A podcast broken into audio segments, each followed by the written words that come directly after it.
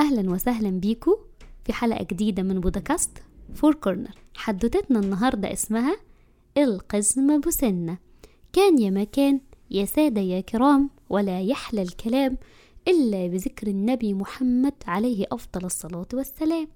كان في قرية جميلة بيعيش فيها تمن أقزام إخوات. كل واحد فيهم كان مميز بحاجة معينة في شكله أو في قدراته بيعرف يعملها وغيره ما بيعرفش يعملها. ما عدا أخوهم الصغير القسم أبو سنة. كان دايما بيشوف نفسه مش مميز في أي حاجة ومش زي إخواته كمان يعرف ي... عنده موهبة أو يعرف يعمل أي حاجة.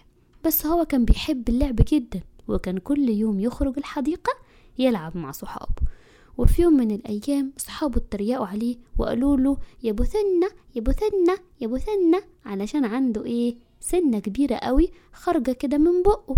دخل أبو سنة وزعل جدا في أوضته وقعد يعيط.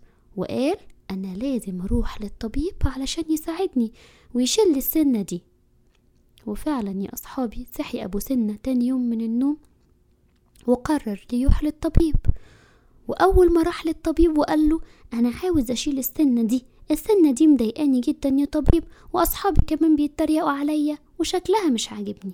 بصله الطبيب وقال له لا لا لا أنت لازم تحمد ربنا على أي شكل ربنا خلقك فيه ولازم تعرف إن طالما ربنا إداك السنة دي يبقى أكيد ليها خير وليها منفعة. أنصحك ما تشيلهاش وسيبها لما تقع لوحدها.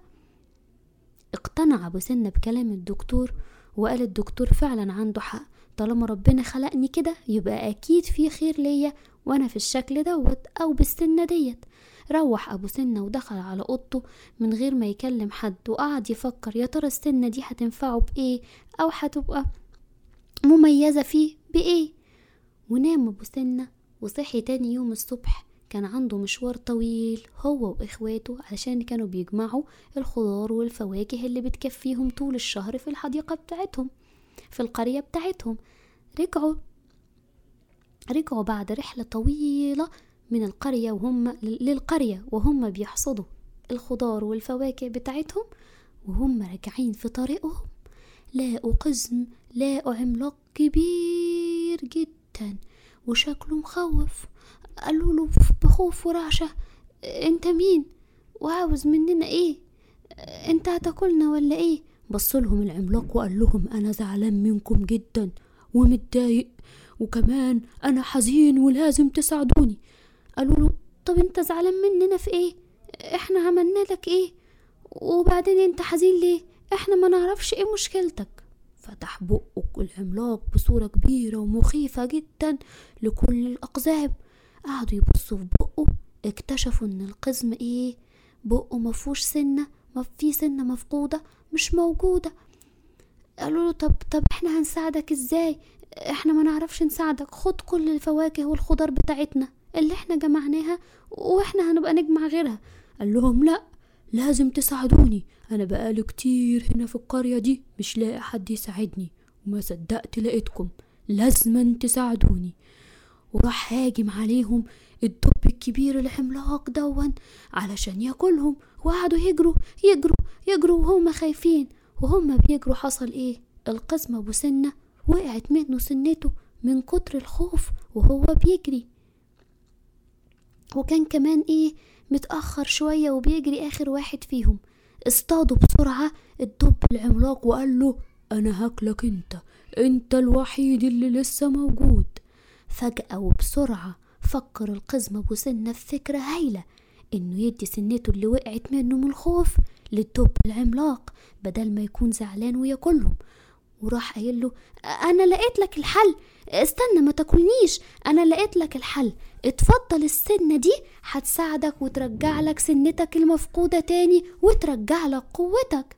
بصله كده وقال له إيه طب يلا اوان بسرعة ركبها لي. راح القزم أبو سنة مركب سنته مكان. في المكان المفقود بتاع سنة الدب الكبير والدب رجعت له السنة. فرح الدب جدا ونزل القزم أبو سنة على الأرض ومرضيش إن هو ياكله علشان هو ساعده. مين كان شايفه وبيتفرج عليه؟ أصدقائه وإخواته.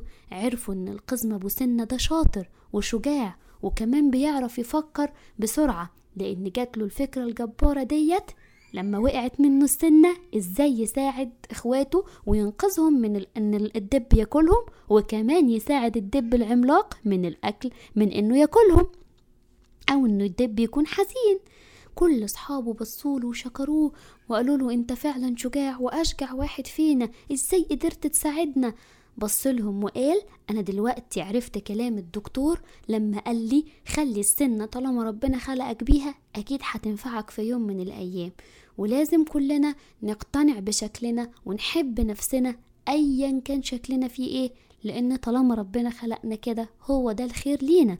وينفعش يا أصحابي إن إحنا نعلق على بعض أو نتريق على بعض أو نتنمر على بعض ونقول إن إحنا ده شكله وحش وده شكله حلو. ربنا خلقنا كلنا في أحسن صورة وخلقنا كلنا حلوين زي بعض. وتوتة توتة خلصنا الحدوتة. حلوة بقى ولا ملتوتة؟